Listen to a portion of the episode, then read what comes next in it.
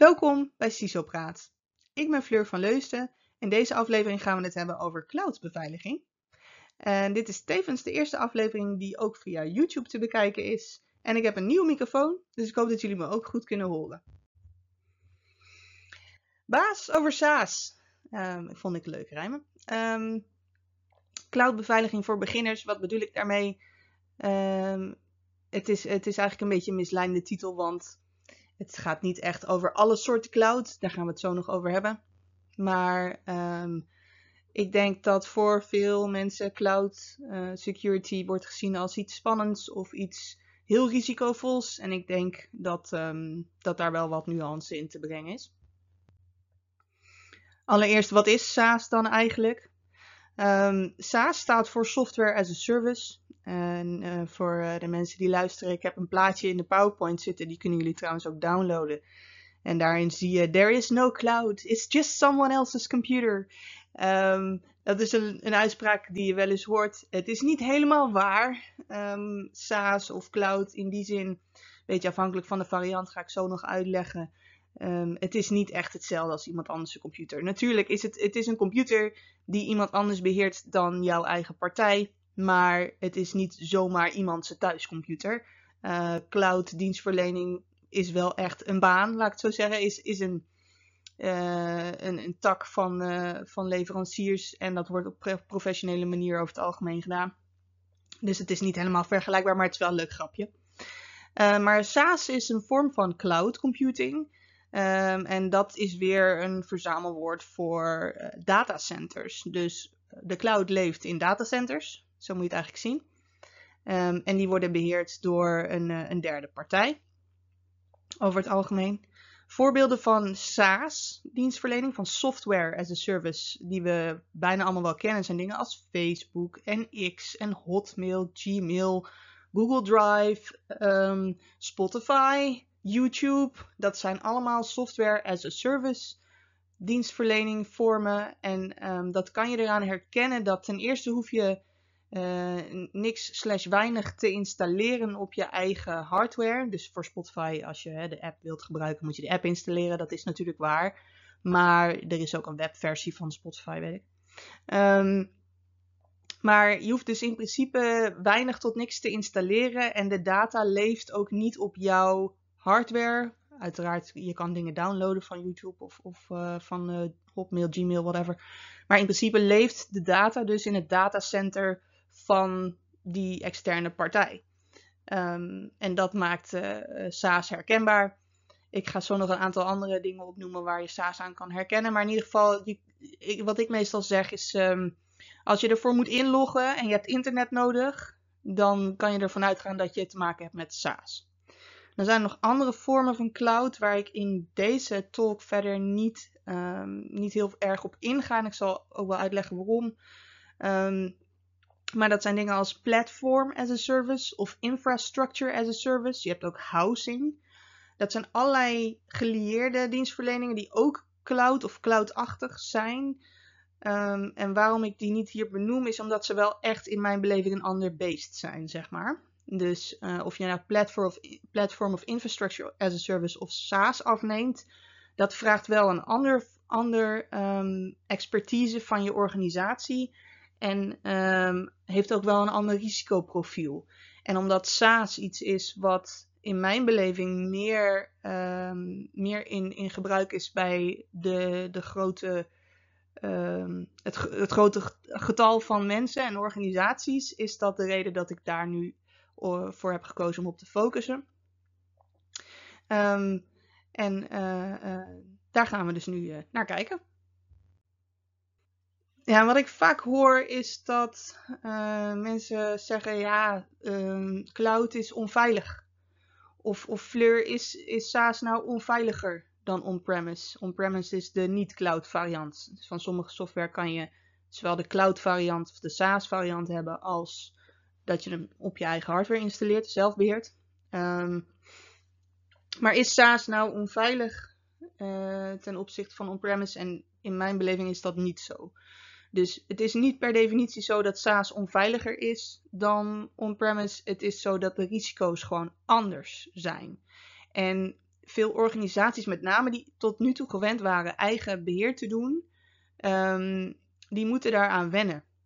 En uh, die, die moeten nog leren over welke risico's het gaat. En dat wil nog wel eens misgaan. Maar SaaS heeft een aantal voordelen ten opzichte van on-premise die ik ook wel uh, hier wil benoemen. Eén daarvan is het niet hoeven installeren van updates. Ja, wie wil dat niet? Nee, over het algemeen is het zo dat als jij SaaS afneemt, als je software as a service afneemt, dan, uh, dan hoef je geen updates te installeren. Dat is lekker. Dat wordt namelijk voor jou gedaan. Dus dat is onderdeel van de service, zo moet je het eigenlijk zien. Is dat jij niet zelf updates hoeft te installeren. Um, als er nieuwe updates zijn, worden die over het algemeen automatisch voor je geïnstalleerd. En um, nou, daar heb je eigenlijk weinig, uh, weinig omkijken naar. Wat je wel moet doen, is dat je functioneel beheer moet doen. Functioneel beheer is, uh, ik denk dat niet iedereen misschien weet wat dat is. Je moet het, uh, de functionaliteit beheren. Nou, dan weet je nog niks. Daar bedoel ik mee te zeggen, je moet uh, de software instellen en configureren zoals jouw organisatie het wil gebruiken. Je moet de, uh, de rollen moet je ergens benoemen. Je moet mensen rechten geven of je moet rechten intrekken. Uh, en dat is functioneel beheer. En over het algemeen is dat niet iets wat een dienstverlener voor jou doet. Dat kan wel, maar over het algemeen moet je dat toch aan jouw kant regelen. Maar het, het voordeel is dus dat je, want nu klinkt het als een nadeel, maar dat is niet zo. Want functioneel beheer moet je ook doen als je on-premise software hebt draaien. Dus um, wat, wat is hier nou het voordeel van Fleur? Nou, het voordeel is, dat is het enige wat je hoeft te doen. um, bij, als, je, als je software zelf hebt draaien, dan moet je dus updates installeren. Je moet hardware vervangen. Je moet uh, UPS'en hebben draaien. Je moet, je moet allerlei... Um, UPS is backup. Uh, sorry, ik vergeet soms niet iedereen. UPS'en zijn uh, accu's die je achter een server kan uh, zetten, zodat als de stroom uitvalt, dat je hier toch tijd hebt om je server netjes uit te doen. zodat die niet ineens uitvalt. Um, maar goed, dat zijn allemaal dingen waar je druk over moet maken als je zelf beheer doet van on-premise software en waar je niet over na hoeft te denken, of minder in ieder geval als je dat als SaaS afneemt. Uh, je, hebt veel, je hebt veel meer flexibiliteit. Dus um, als, je, als je zelf software hebt draaien, dan heb je beperkte uh, opslagruimte. Je hebt misschien beperkte snelheid op je netwerk, um, bandbreedte, etc. Dat zijn dingen waar je druk over moet maken als je uh, zelf software op je infrastructuur hebt staan. En dat zijn dingen die eigenlijk minder spelen bij SaaS. en daarbij kan je bij SaaS ook makkelijker schalen. Dus als je in het begin 10 werknemers hebt die een bepaald softwarepakket gebruiken. En uiteindelijk kom je tot de conclusie dat het toch wel heel handig is als nog veel meer mensen dat softwarepakket gaan gebruiken. Um, dan is het heel eenvoudig met een paar kliks om die extra licenties erbij te kopen. En dan kunnen ze vrijwel meteen aan de slag. Terwijl als je hetzelfde zou willen doen met on-premise, dan heb je dus vaak te maken met meerdere installaties.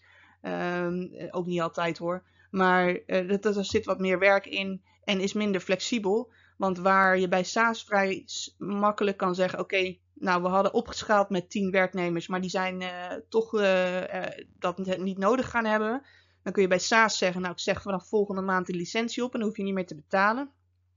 Terwijl bij on-premise, als je die licenties eenmaal gekocht hebt, dan heb je ze gewoon. Vaak. dat heeft ook weer nadelen en voordelen, maar daar kom ik nog op. Um, en een ander, een ander voordeel van SaaS uh, is uh, backups. Dus bij SaaS hoef je minder zorgen over backups te maken. Minder. Je, moet altijd je huiswerk doen, daar kom ik straks nog op.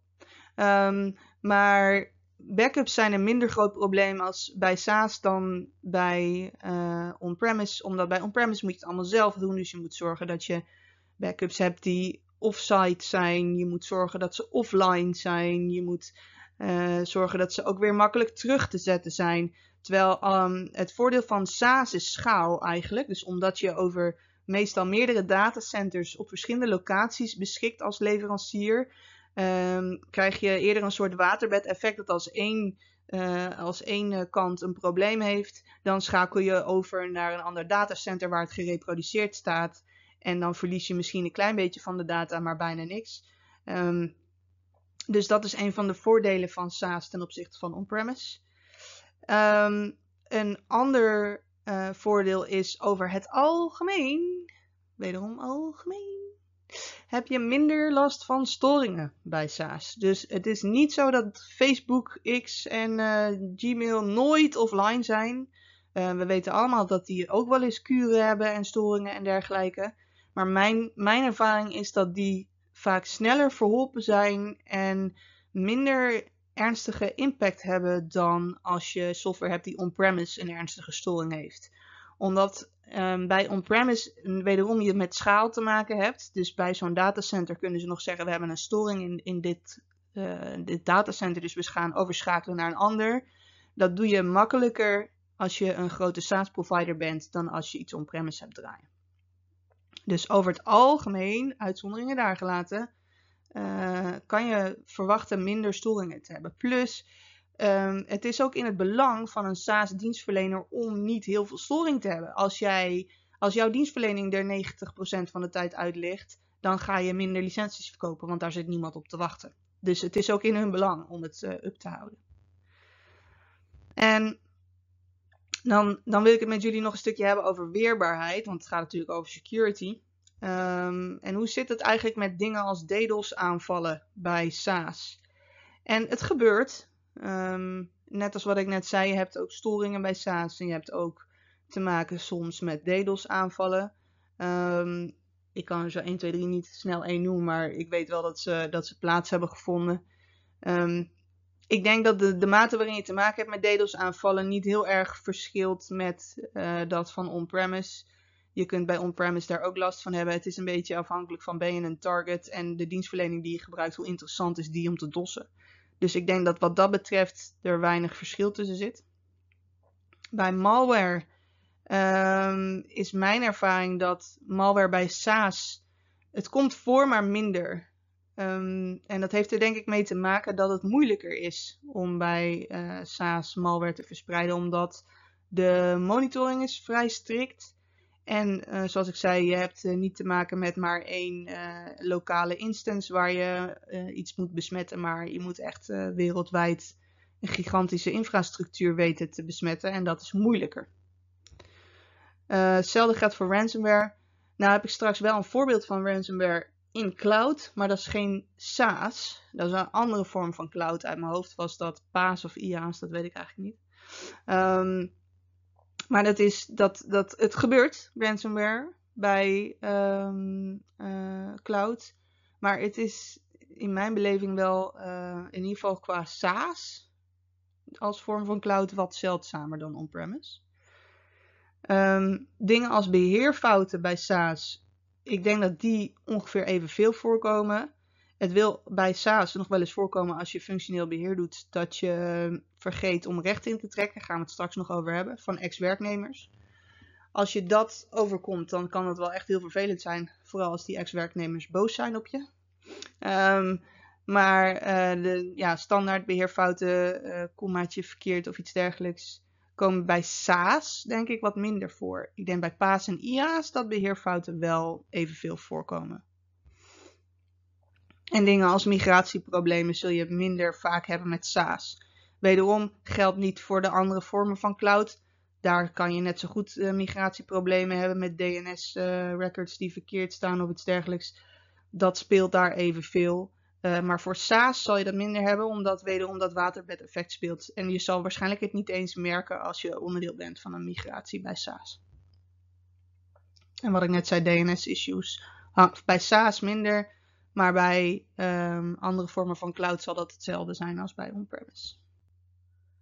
En dit was het voorbeeld wat ik wilde noemen nog van ransomware in de cloud. Um, voor de mensen die luisteren, dit is een artikel van security.nl. Dat gaat over Deense hostingbedrijven verliezen door ransomware alle data van klanten. Um, dat waren hostingproviders Azero Cloud en Cloud Nordic. En het bleek dat zij um, hun backups niet, uh, niet terug konden, konden zetten. En ze vertikten het of ze konden niet de ransom betalen. Met als gevolg dat de klanten van deze twee cloudbedrijven uh, al hun data kwijt zijn. Dit is wel een uitzonderlijk verhaal, moet ik zeggen. Ik heb dit niet heel veel vaker op andere plekken gehoord. Ehm, ehm, en dit is dus geen SaaS, uh, voor zover ik weet. Dit gaat over, zoals hier staat, e-mail, websites en databases. Dus meer paas. Maar het gebeurt. Dus, um, en er is, uh, ja, er is, het is lastig om daar wat aan te doen. En dit is eigenlijk waar ik het voornamelijk met jullie over wilde hebben. Kijk, onze organisaties gaan steeds meer gebruik maken van SaaS-oplossingen. En uh, zoals ik net al zei, het heeft, SaaS heeft veel voordelen. Je, je hebt minder te maken met, uh, met allerlei beheerproblemen en dat soort zaken. Maar het is niet zo dat, dat, dat, dat je kunt zeggen, nou we gaan dit nu als SaaS-oplossing afnemen en al onze problemen zijn nu verleden tijd. En ik merk soms dat met name business wel kan denken dat dat zo is. Oh, laten we het maar gewoon in de cloud neerzetten, dan zijn we van het gedoe af. Uh, of laten we de cloud-versie maar nemen, want dan hoeven we ons niet druk te maken over beheer. En in zekere zin klopt dat, maar dat betekent niet dat je geen andere beveiligingsrisico's hebt. En daar wil ik het nu graag over hebben, dus uh, let's begin. Dingen als toegangsbeveiliging. Ik noemde het net al. Met name um, um, werknemers die uit dienst gaan, wiens credentials niet ingetrokken zijn. Dat zijn wel echt uh, lastige dingen. Maar ook het, het instellen van twee-factor authenticatie, wachtwoordmanagement, dat soort zaken. Dat zijn dingen die je met SaaS gewoon moet regelen. Dus je kunt niet zeggen, we hebben dit als SaaS afgenomen en we nemen de, de default instellingen. Uh, je moet nog steeds na gaan zitten denken, kan dat? Als hier alleen een wachtwoord op zit en iedereen in de wereld en zijn moeder kan hierbij, is dat oké? Vinden we dat een acceptabel risico? Um, en daar moet je dus wel wat mee doen.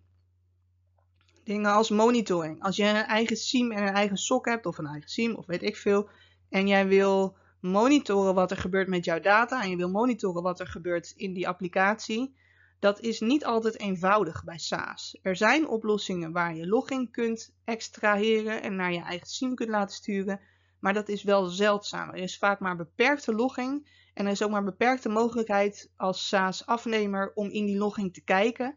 Um, en dat maakt monitoring van SaaS wel ingewikkelder dan andere vormen van cloud of on-premise.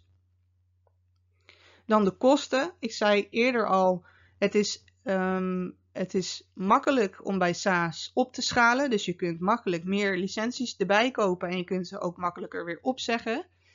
Um, wat bij SaaS minder speelt, maar wel uh, bij dingen als uh, PaaS en IaaS, dat is dat je soms ongezien bij cloud dienstverlening heel erg veel kosten kunt verstoken. Uh, en daar later dan mee geconfronteerd wordt. Nu zijn er ook weer oplossingen voor. Er zijn toeltjes voor die je waarschuwen als je over een bepaalde threshold heen gaat. Maar um, het is niet per definitie zo dat cloud dienstverlening goedkoper is. En dat is een afweging die je wel bewust moet maken. Als jij um, licenties koopt die je per maand moet betalen. En um, uh, allerlei uh, service level agreements uh, die heel hoog zijn, waar je allerlei extra kosten voor hebt dan kan het alsnog soms de moeite waard zijn, kostentechnisch gezien, om het niet als SaaS af te nemen, maar on-premise. Omdat als je uitrekent hoeveel je daar uh, aan beheerkosten, hardware en licenties kwijt bent, dan kan dat soms nog voordeliger uitvallen dan als je het als SaaS afneemt. Um, en dat ziet waar denk ik te weinig mensen nog bij stilstaan. Wat wel jammer is, vind ik zelf altijd, als je veel verschillende SaaS-diensten afneemt, is dat je je data versplintert. Dus je hebt wat data staan in Slack en je hebt wat data staan in uh, uh, GitHub en je hebt wat data staan uh, ergens op een Microsoft platform. Um, en het, het, wordt, het overzicht om, om data goed te kunnen beveiligen wordt daar wel lastiger van. Als alles op één plek staat in één netwerk, is dat over het algemeen makkelijker te beveiligen dan als het over de hele wereld op allerlei verschillende infrastructuur staat. Dus dat is iets waar je wel bewust van moet zijn. Dan is er uiteraard de AVG. Dus je kunt niet zomaar, in ieder geval uh, met persoonsgegevens, deze op iedere uh, cloud uh, SaaS platform stoppen en denken ik ben goed bezig. Um, de AVG stelt ook eisen aan waar data fysiek opgeslagen is. En dat mag niet zonder meer in allerlei landen of locaties waar de AVG of AVG gerelateerde regelgeving niet bestaat. Dus dat is iets waar je bewust van moet zijn. Dingen als e-mail, met name de SPF-records. Dus als jij um, een SaaS-dienst afneemt die namens jouw organisatie moet kunnen mailen. Dus uh, stel jouw bedrijf heet, weet ik veel, uh, de bakkers.nl. Jij hebt uh, domeinnaam bakkers.nl. En jij wilt via een SaaS-dienstverlenende platform, Topdesk of weet ik veel, een of ander enquête, SurveyMonkey, wil je mails kunnen versturen. En je wil dat dat niet uh, aankomt bij de ontvanger als SurveyMonkey, maar dat moet aankomen als bakkers.nl. Dan moet jij in je SPF records een wijziging aanbrengen dat SurveyMonkey namens jouw domein mag mailen, want anders komt jouw mail niet aan. Dan komt die in de spam of dan komt die helemaal niet aan, afhankelijk van hoe je DMARC hebt ingesteld. Anyway. SPF is een uh, mailbeveiligingsmaatregel waarmee je kunt voorkomen dus dat mensen namens jou e-mails kunnen versturen. Het, het helpt bij het voorkomen van e-mailspoofing. Ga ik verder niet helemaal hier zitten uitleggen. Het lastige met SaaS is, als jij uh, dus je SPF records moet aanpassen, is het soms zo dat SaaS-dienstverleners daar niet heel specifiek in zijn. Dus jij moet hun hele infrastructuur in je SPF records zetten om via hun toeltje een mail te kunnen sturen naar mensen. De consequentie daarvan is dat alle andere klanten van deze dienstverlener ook namens @bakkers.nl kunnen mailen. Dus stel, SurveyMonkey uh, heeft een dienst, ik weet niet of dit waar is trouwens, maar SurveyMonkey heeft een dienst dat je met je eigen e-mailadres uh, surveys kan, enquêtes kan gaan versturen. Maar dan moet je in jouw SPF records moet je de IP-adressen zetten van al hun mailservers. En vervolgens een of andere criminele organisatie, die kan ook gewoon een accountje aanmaken bij SurveyMonkey. Dat checken ze verder niet. En al checken ze het wel, maakt niet uit. Ze zullen je niet zo snel weigeren. En die kunnen dan dus ook mails gaan versturen vanaf bakkers.nl. Want wat er in de SPF-record staat, is alle infra van SurveyMonkey. En er staat niet specifiek alleen die ene server waarvanaf jij mails aan het versturen bent bij SurveyMonkey.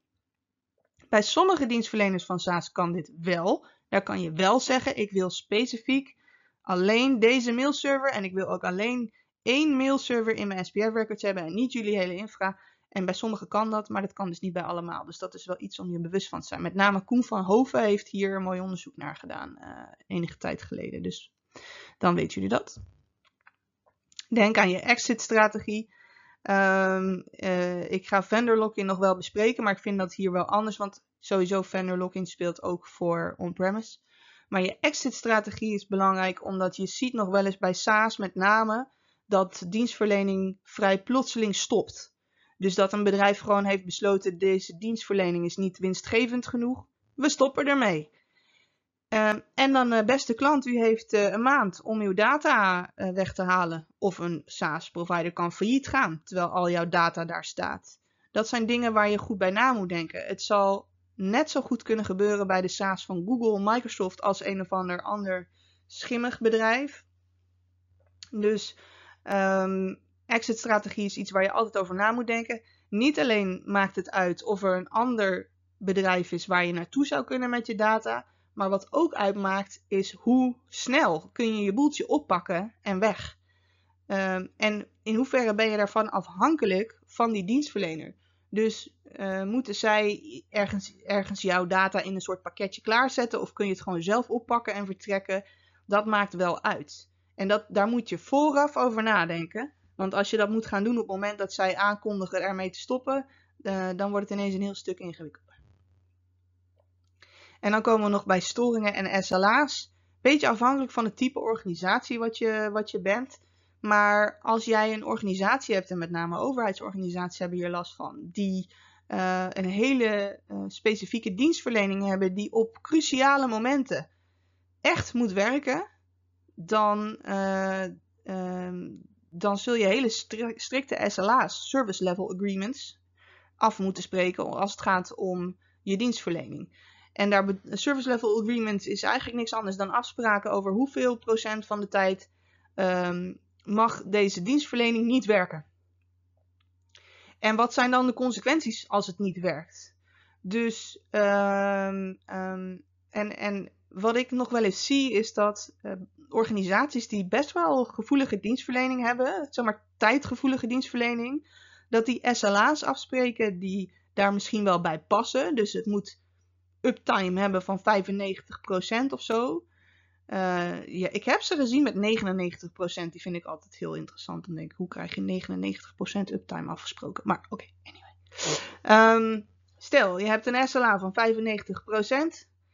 Uh, en uh, um, over een jaar, trouwens, ik zie weinig mensen checken hoeveel van die SLA's daadwerkelijk worden gehonoreerd. Maar goed, stel je zou ook nog eens een keer je huiswerk doen en checken hoeveel procent uptime hebben we eigenlijk gehad dit jaar. En het blijkt 90 te zijn. En de SLA is 95. En wat ga je dan doen? En waar, wat ik vaak zie is dat mensen afspreken dan met hun leverancier. Dat die leverancier in zo'n geval uh, dan zegt, nou dan hoef je een maand niks te betalen. Hè? Krijg je, deze maand krijg je gratis van ons. Want ja, we hebben de uptime niet gehaald, dus hier is een gratis maandje. Nou, als jij een extreem tijdgevoelig proces hebt in je organisatie, dan heb je echt geen bal aan die afspraak. Dat is echt waardeloos. En die, en die leverancier weet dat. Dus uh, in het ergste geval, ja, dan betalen ze een maandje niet. Ja, lekker belangrijk. Dus er is geen stok achter de deur om ervoor te zorgen dat bedrijven die SLA's daadwerkelijk halen, waar je heel veel geld voor betaalt. Um, want dat hebben ze dan vaak ook nog. Hè? Dan heb je een, een eh, zilver of een uh, gouden en een platina service abonnement. En afhankelijk van hoe luxe het is, betaal je dan per maand meer. Ja, ik vind dat wel interessant. Maar dat is dus iets waar je echt um, een beetje op moet letten met SaaS. En wat ik eerder al noemde, je functioneel beheer, dat moet je nog steeds vaak zelf doen. Um, en uh, uh, Gerda van de receptie het functioneel beheer laten doen van jouw zeer risicovolle eh, CRM-systeem kan ik je niet, niet aanraden. Dus afhankelijk van wat voor soort data je erin stopt natuurlijk. Maar um, ik, ik, in, in het algemeen is het zo dat, dat je een IT'er dat wilt laten doen en daar wil je ook echt een proces voor hebben. Dus wie krijgt er welke rechten en waarom? En hoe worden die rechten beheerd en hoe worden ze ook weer ingetrokken als iemand uit dienst gaat? En hoe zorg je dat dat het liefst geautomatiseerd gebeurt? Uh, bij al die verschillende SaaS die je afneemt, op al die verschillende platforms met allerlei verschillende manieren van werken. En dat is wel echt een risico met SaaS. En waarom is dat meer dan bij on-premise? Want bij on-premise kan je ook vergeten om mensen hun rechten in te trekken natuurlijk. Maar het speelt meer omdat bij SaaS vaak toegang op afstand mogelijk blijft als iemand al uit dienst is. Versus on-premise, als daar in ieder geval je Citrix of je, je Active Directory account is ingetrokken, dan ben je klaar. Dan kan je niet zoveel meer vanuit huis. Maar uh, als je SaaS-dienstverlening afneemt, dan kan je vaak nog steeds op je topdesk of je GitHub of je weet ik veel wat inloggen vanuit huis. En daarom is met name bij SaaS functioneel beheer extra uh, risicovol. En er is meer, want uh, laten we vooral nog even doorgaan. Dingen als uh, wat, wat nu vooral speelt natuurlijk is het trainen van artificial intelligence. Wordt jouw data gebruikt in die SaaS-oplossing van je om artificial intelligence te trainen van die fantastische dienstverlener van je, die vervolgens wordt doorverkocht aan allerlei andere bedrijven als dienstverlening, waar jouw data vervolgens in zit, uh, waar zij gebruik van kunnen maken of misbruik van kunnen maken. Dat is iets waar je nu uh, extra alert op moet zijn en dat speelt in SaaS ook. Dus dat zijn de kleine lettertjes waar je toch als CISO ook even goed naar moet kijken. Van wat mag deze dienstverlener allemaal met onze data? Het koppelen van systemen is daarnaast ook nog belangrijk. Wat, um, wat je ziet met SaaS, en dat is op zich niet negatief, is dat het makkelijk is om verschillende SaaS-diensten aan elkaar te koppelen. Je kan Slack aan GitHub koppelen, je kan, uh, weet ik veel, Gmail aan Slack koppelen. Er zijn allerlei koppelingen mogelijk en dat is op zich prima. Alleen het is goed om je te realiseren welke datastromen er dan zijn. Dus welke data gaat dan van de ene naar de andere SaaS-dienstverlener? Wanneer gebeurt dat? En hoe uh, kun je dat in ieder geval, uh, hoe kan je daar overzicht op blijven houden? En dat is iets uh, waar je goed mee, mee uit moet kijken. Um, dingen als encryptie. Dus als jij gevoelige informatie ergens in een SaaS-dienst wilt opslaan, dan kan het de moeite waard zijn om goed te kijken naar wat voor encryptie at rest ze daar toepassen. En of je, ehm, of je dat genoeg vindt of dat je zegt nee, ik wil daar zelf eigen encryptie nog overheen doen. In sommige gevallen, als je hele bedrijfsgevoelige informatie bijvoorbeeld wilt opslaan in SaaS, kan het de moeite waard zijn om daar zelf encryptie op toe te passen en het pas daarna in de SaaS-oplossing te stoppen. Want dan weet je in ieder geval zeker dat de dienstverlener daar niet zomaar bij kan. En dan is er nog een stukje compatibiliteit. Uh, ik had het net al over SIEM-SOC oplossingen en compatibiliteit daarmee. Maar je hebt ook te maken met dingen als je Active Directory of als je single sign-on wil toepassen, waar we straks nog over gaan praten. Dan, um, dan moet die SaaS-oplossing daar wel compatible mee zijn. En dat zijn dingen waar je ook vooraf over na moet denken voordat je een bepaalde SaaS-dienst gaat afnemen. Is um, wat, uh, wat hebben wij voor single sign-on en werkt het daar eigenlijk wel mee? En eventueel nog wel veel meer afhankelijk van uh, het type organisatie, wat je allemaal gaat doen, welke SaaS je af gaat nemen, zijn er nog meer risico's. Maar ik denk dat we het voor nu wel uh, een beetje hebben behandeld. En dan hebben we risico's benoemd, maar we hebben nog eigenlijk niet gehad over risicomanagement. Um, dus je hebt al deze risico's, maar hoe ga je daar eigenlijk mee om? En, en daar komt de eeuwenoude vraag, en die is natuurlijk ook gelijk met on-premise maar speelt zeker ook bij SaaS. En dat is wie is hier eigenlijk verantwoordelijk voor? Dus uh, voorbeeldje, er komt een, uh, een, een, team van jou, komt bij jou als CISO of security officer en die zegt wij willen SurveyMonkey gaan gebruiken voor ons klanttevredenheidsonderzoek. En uh, we hebben al uh, zes licenties gekocht. dat is vaak het moment waarop ze bij je komen. We hebben al zes licenties gekocht, we hebben al accounts aangemaakt. Maar is wel goed toch? Is een goed idee, toch? Uh, zeg even ja. Nou, en dan is een van de vragen die ik zou willen stellen is: oké, maar wie heeft er besloten dat wij dit gaan doen? En wie heeft ervoor betaald? Um, en dan weet je vaak wie er verantwoordelijk is. Want uh, er is geen verantwoordelijkheid zonder budget en zeggenschap, mandaat. Dus wie heeft er besloten dat we dit gaan doen en wie heeft ervoor betaald, geeft je meestal het antwoord op de vraag wie is er verantwoordelijk voor. Um, en, uh, uh, en dit is met name bij SaaS belangrijk, omdat whoever er verantwoordelijk is voor de, uh, voor de SaaS-dienstverlening is ook verantwoordelijk voor de beveiliging daarvan. Tenminste, in mijn wereld. Um, dus dat is de persoon waarmee jij moet schakelen als je beveiligingszaken wilt regelen. Dus wie is verantwoordelijk? En wat zijn de regels? En dan heb ik het niet alleen maar over de regels die jullie intern hebben als organisatie, maar ook simpelweg de AVG, NIS 2, noem maar op. Is er compliance waar we mee te maken hebben?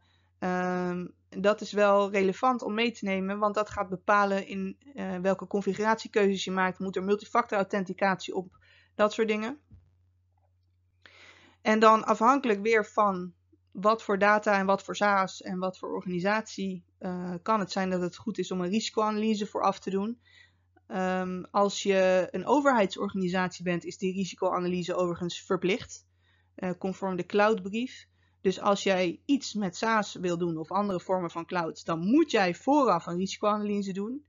Nu is het zo dat de manier waarop ik risicoanalyses doe is best uitgebreid. Ik denk dat ik daar ook nog een keer een podcast aan ga wijden.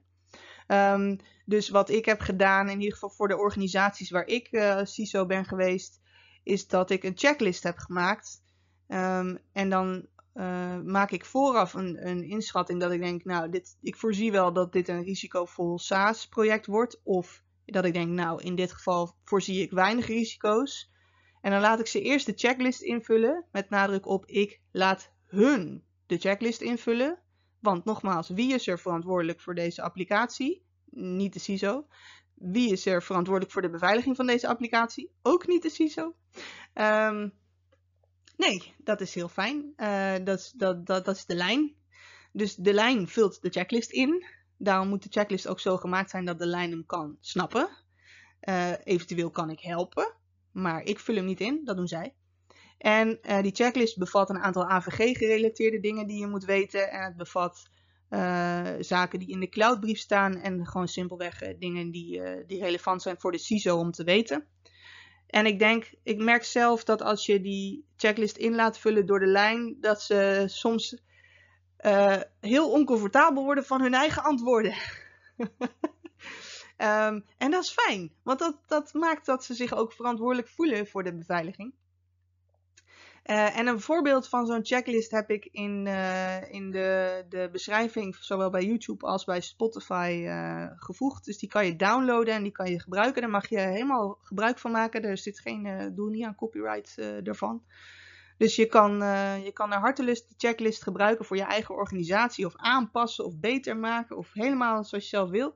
Maar dan heb je een voorbeeld. Um, en wat ik dan doe is, ik, ik bespreek die checklist als die is ingevuld door, door de aanvrager. En dan gaan we samen kijken van, is die zo goed ingevuld? Voelen we ons hier happy bij? Zijn er dingen die we nog eerst moeten regelen? Uh, en als dat allemaal rond is, dan, uh, dan zeg ik nou, veel plezier met je SaaS. En over een half jaar kijken we nog eens naar de checklist. Want dat is natuurlijk ook een bekend grapje, is dat er wordt iets van software naar binnen gefietst onder het mom van... We gaan er enquêtes mee sturen. En een half jaar later lopen we er uh, onze meest uh, belangrijke processen in te stoppen. Ik noem maar wat. Uh, en dan, dan denk je als CISO zijn, ja, maar daar had ik die checklist niet voor ingevuld. Die checklist was ingevuld voor enquête sturen. En niet voor ons primaire proces, vrienden. dus daarom zeg ik, ik zou die check, als je die checklist hebt gedaan, dat geldt voor risicoanalyses hetzelfde trouwens is het niet uh, in je handen wrijven, op de plank gooien en hup naar het volgende, dan zal je het ook weer moeten reviewen. En het beste moment om te bepalen wanneer je hem weer moet reviewen, is op het moment dat je hem ten eerste hebt gemaakt. Of voor de laatste keer hebt gereviewd. Dus ik prik dan meteen een, een week waarin uh, over een half jaar we ernaar gaan kijken. En dat zet ik meteen in de agenda's. Want zo kan je het ook niet vergeten. Je ISMS is hier natuurlijk ook voor geschikt. Maar, wat ik nog wel belangrijk vind om te benoemen, uh, dat is dit. 100% cyberveilig bestaat niet. Dus ondanks je mooie risicoanalyse je functioneel beheer en alles shiny, of het nou in SaaS staat of on-premise, um, risico's rondom beveiliging hou je. En dat weten jullie ook wel, maar dat wilde ik nog wel even benoemd hebben. Um, ik wilde nog een voorbeeld noemen van waar uh, SaaS een belangrijke rol heeft gespeeld in een beveiligingsincident. In dit geval is dat de Uber-hack die ik er even bij heb gepakt. Um, welke van de hoor ik je vragen inmiddels? Jee, Uber. Anyway, uh, dit is die van 2022 van Slack. Dus in 2022 bleek dat uh, Slack van Uber was gehackt. En dat was uh, gebeurd vermoedelijk door een 18-jarige, maar volgens mij is hij nooit gearresteerd. Um, wat er is gebeurd is eigenlijk heel ordinair phishing geweest. Dus hij heeft uh, een van de medewerkers van Uber, heeft die, nou medewerkers, een administrator uh, volgens mij, een functioneel beheerder of een administrator, heeft hij uh, weten zijn wachtwoord en zijn inloggegevens te ontfutselen. En vervolgens er zat multifactor authenticatie op, maar dat was multifactor authenticatie vermoedelijk waar je alleen maar op ja op je telefoon hoeft te drukken van ben jij dit en dan ja. Um, en uh, uh, diegene heeft op ja gedrukt na een tijdje. Dat noemen ze dan multifactor authentication fatigue. Dus diegene was er zat van en die heeft gedaan, oké nou prima dan. Ik weet niet hoe dat precies werkt. Maar, tenminste, ik weet wel hoe men zegt dat het werkt. Of dat in de praktijk ook is zoals het gaat. Hm, heb ik twijfels over. Uh, maar goed, anyway. Uh, die 18-jarige hacker die kwam uh, uit op, uh, op het e-mailsysteem van, van Uber. De source code kon die bij. kon op het hele netwerk, want het bleek dat deze beheerder had scripts, PowerShell scripts geschreven. Um, waarmee hij automatisch kon inloggen. Single sign-on, y'all. Anyway. Hij kon automatisch inloggen op allerlei belangrijke systemen van Uber. Uh, en dat script heeft de, de aanvaller dus misbruikt. Uh, en zo kon hij overal bij. Uh, en Slack is een variant van SaaS. Dus dat is waarom ik hem wel wilde noemen. Phishing is dus ook een van de risico's waar je bewust van moet zijn bij SaaS. Dat misschien heb je wel minder te maken met DDoS en ransomware, maar phishing is iets wat met name speelt bij SaaS, omdat iedereen in de wereld en zijn moeder en zijn vader uh, bij uh, het inlogportaal kan vaak. Dan wilde ik het nog kort hebben over hoe je eigenlijk leveranciers selecteert. Want um, uh, er zijn natuurlijk een aantal mogelijkheden om, om te kijken. Niet, sommige SaaS-diensten kan je bij verschillende leveranciers afnemen. Dingen waar ik op let zijn bijvoorbeeld pentestrapporten. Zijn er pentestrapporten? Mag ik die zien? Mag ik vragen stellen over wat er gebeurd is met de bevindingen daaruit. Uh, dat is niet altijd zo. Uh, al die dingen zijn niet altijd zo. Um, uh, en dat heeft ook soms te maken met hoe groot een leverancier is. Um, al moet ik zeggen dat de hele grote dit soort dingen gewoon openbaar maken. Dus de Microsofts en de Googles, die hebben gewoon een, een website waar je dit soort rapporten gewoon kunt lezen. Auditrapporten, dat soort dingen. Daar zijn ze. Uh, dingen als SOC 2, uh, rapporten, die, uh, die kunnen echt de moeite waard zijn om te lezen. Dus in tegenstelling tot wat sommige mensen denken, SOC 2 is geen certificering, het is een audit met een rapport. En in dat rapport, het is je SOC 2 rapport, um, kunnen nog best interessante dingen staan die je dan niet, niet helemaal hebt gehaald of die niet helemaal op orde zijn. Um, dus het is als CISO de moeite waard om naar de auditrapporten te vragen. Uh, ook de ISO's uh, rapporten trouwens. 27.1 en zo. Is de moeite waard om te vragen. En te lezen ook. Um, dingen als logging zijn goed om te checken. Dus wat voor logging is er eigenlijk die ik kan inzien als bedrijf? En hoe lang wordt die logging bewaard? Um, en dat is dus wat ik eerder al zei, heel wisselend. De ene uh, SaaS-dienstverlener heeft meer verschillende soorten logging dan de ander. De ander heeft soms helemaal niks. Uh, en dat is natuurlijk ook weer afhankelijk van wat je in die oplossing stopt. Wat wil je zien uh, en, en wat zijn de risico's? Als jij um, copyright-gevoelige spullen ergens opslaat, dan is het wel van belang om te zien wie er allemaal in heeft zitten grasduinen, wie het heeft gedownload. Hetzelfde met patiëntengegevens of dat soort dingen daarin is logging gewoon heel erg belangrijk en daar moet je gewoon bij kunnen. Uh, en dat kan echt een reden zijn om, om een leverancier niet te kiezen als zij onvoldoende loggen of in, onvoldoende inzage geven in logging. En wat ik eerder al noemde, je exit-strategie en je tijdspad. Dus kan ik überhaupt als we hier uh, deze dienst afnemen nog weg? En hoe lang duurt het als we weg willen voordat we weg zijn? Uh, want het is helemaal hartstikke leuk dat er nog zes dienstverleners zijn die deze dienstverlening geven. Maar als je boeltje pakken en vertrekken naar een van die dienstverleners uh, twee jaar tijd kost, dan wordt het toch ineens een stuk minder interessant om weg te gaan, terwijl je misschien niet tevreden bent met de dienstverlening. En dingen als multifactor authenticatie heb ik ook al genoemd. Maar de vormen van multifactor authenticatie die een leverancier aanbiedt, vind ik interessant om naar te kijken als CISO zijnde plus, uh, en de plus is vraagteken, omdat SaaS dus over het algemeen inlogportalen heeft die voor het hele internet beschikbaar zijn, kan het uh, de moeite waard zijn om te kijken, kan je bij deze leverancier een vorm van whitelisting laten toepassen of een VPN ehm, instellen voor jouw specifieke accounts, zodat het moeilijker wordt voor uh, aanvallers of ex-werknemers, zoals bij Uber, om um, met, een, met gestolen credentials en multifactor authenticatie, fatigue of iets dergelijks in te loggen. En natuurlijk de SLA's. En ik ben niet alleen als CISO geïnteresseerd in wat die SLA's dan precies zijn, maar ook naar die stok achter die deur. Dus um, als wij een, een organisatiekritieke dienst gaan afnemen bij een SaaS-leverancier en ze hebben in het contract staan, nou jongens, als we de SLA's niet halen, hoeven jullie een maandje geen abonnementskosten te betalen dat, daar word ik niet warm of koud van. Um, daar moeten echt betere waarborgen in die contracten worden gezet als het gaat om dienstverlening die kritiek is op kritieke momenten, uh, dan alleen je hoeft dan een maandje niet te betalen. Daar moeten wel echt zwaardere, zwaardere consequenties tegenover staan, wat mij betreft. Um, maar dat moet je natuurlijk ook met je eigenaar bespreken.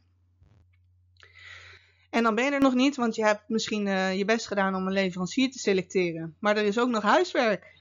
Dus wat moet je als organisatie nou zelf doen als je iets van SaaS wil afnemen?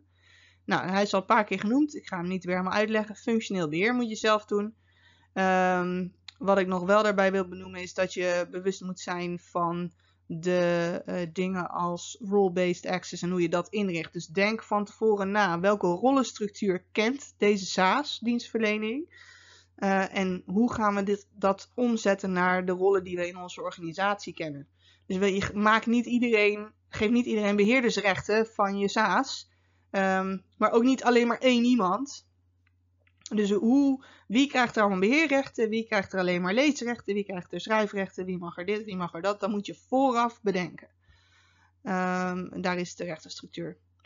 Dus um, daar is die voor. je uitdienstproces, wat ik al zei, als je dat niet kunt automatiseren, dan moet je er een verdomd goed proces aan koppelen om te zorgen dat jij uit alle SaaS die je hebt, iedereen zijn accounts gaat weten te trekken als iemand uit dienst gaat. En als je er één vergeet, kan dat je echt naar in de weg zitten. Ehm, dus zorg dat dat uitdienstproces met al die verschillende SaaS die je afneemt, dat dat goed geregeld is. Je single sign-on heb ik ook al een paar keer genoemd. Ehm, om te voorkomen dat mensen zoals bij Uber uh, zelf PowerShell scriptjes gaan bouwen. Zorg dat je een goede broker hebt en dat je dat netjes ingeregeld hebt. Ga niet beginnen met een heel, heel circus aan verschillende SaaS-diensten. Waar iedereen gewoon allerhande wachtwoorden moet gaan zitten verzinnen. Uh, maar probeer dat echt via een soort single sign-on structuur te doen. En zorg dat die ook veilig genoeg is. Maar dat is ook weer een verhaal voor another day. En beleg dat eigenaarschap goed. Dus wie is er verantwoordelijk voor deze SaaS-dienst bij ons? Wie mag ik aanspreken als ik betwijfel dat de uh, functioneel beheer niet goed gaat, dat het uitdienstproces niet goed gaat, dat die rechtenstructuur niet klopt? Wie, wie gaat hierover? Um, en dat moet je ook vooraf goed helder hebben. En dus ook je kostenbeheer. Uh, hoeveel licenties hebben we? En uh, dingen als licenties delen, dan moet je echt proberen tegen te gaan. Niet alleen omdat het juridische consequenties heeft, maar ook omdat het beveiligingsrisico's met zich meeneemt. Dus als jij vijf licenties hebt, dan zijn er dus vijf mensen bij jouw organisatie die deze SaaS-dienst kunnen gebruiken. En geen zes. En ook geen zeven. En ook geen tien. Uh, en ook niet Pietje die even op het account van uh, Gerda. Daar is ze weer. Altijd Gerda. Nee waar als je Gerda heet, sorry. Um, nee, dus het aantal licenties wat je hebt, dat is het aantal mensen die de dienst gebruikt. Heb je meer licenties nodig, lang leven SaaS, dan koop je er meer. Maar in principe is het dus uh, zo dat je, dat je op moet letten qua kostenbeheer. Hoeveel licenties heb je nodig en zoveel koop je er. En dan een stukje crisisbeheersing natuurlijk. Wat gaan we doen als op ons bedrijfskritische moment ineens de software niet werkt? Wat gaan we doen als uh, uh, er iets aan de hand is en we zijn alle data kwijt? Um, wat gaan we doen als ze net aan het uh, bezig zijn met een migratie of onderhoud op het moment dat het voor ons heel erg belangrijk is? Heb dat van tevoren helder. Wat gaan we doen als ze ineens besluiten te stoppen met de dienstverlening? Dat moet je allemaal meenemen. Samenvattend, het was een lange rit, ik hoop dat jullie er nog zijn. SaaS heeft voordelen, zeker. Het heeft zeker voordelen ten opzichte van on-premise. Het is flexibel, het is uh, weinig uh, onderhoudsintensief um, en uh, het, je hoeft ook geen updates te installeren, heerlijk. Het is zeker niet onveiliger dan on-premise, maar het heeft wel wat andere risico's dan on-premise en daar moet je je bewust van zijn en daar moet je mee bezig. Dus kijk naar die risico's en manage ze ook. Selecteer je leveranciers met aandacht. Dus wat ik ook wil eens zeggen is, laat, laat mensen ook de functionele vraag stellen. Soms hoor je mensen zeggen, wij willen Slack. Maar de functionele vraag is, we willen eigenlijk een chat-applicatie. Of uh, bestandendeelplatform. En dan, welke is dan het veiligst, het voordeligst, bla bla. Er zijn vaak meer opties dan dat mensen je wel eens willen laten denken. En selecteer die leveranciers dus met aandacht. En doe je eigen huiswerk het feit dat je buren eh, een bepaalde SaaS-applicatie gebruiken, jouw organisatie die heel erg lijkt op die van jou dat doet, betekent niet per definitie dat het dan dus veilig genoeg is voor dat van jou. Je zult altijd je eigen afwegingen moeten maken. Je weet niet wat zij precies voor processen daarin hebben lopen. Um, dus doe je eigen huiswerk. En daarmee zijn we alweer aan het einde gekomen van deze CISO-praat. Ik hoop um, dat ik je heb kunnen helpen. Vergeet die cloud checklist niet. Je kunt de presentatie op YouTube bekijken of ook zoals je gewend bent als PDF uh, downloaden via de link in de beschrijving van deze aflevering. Ik hoop uh, nog veel meer afleveringen te gaan maken zoals deze waar jullie wat aan hebben. Uh, bedankt voor het luisteren en nog een hele fijne dag en tot ziens.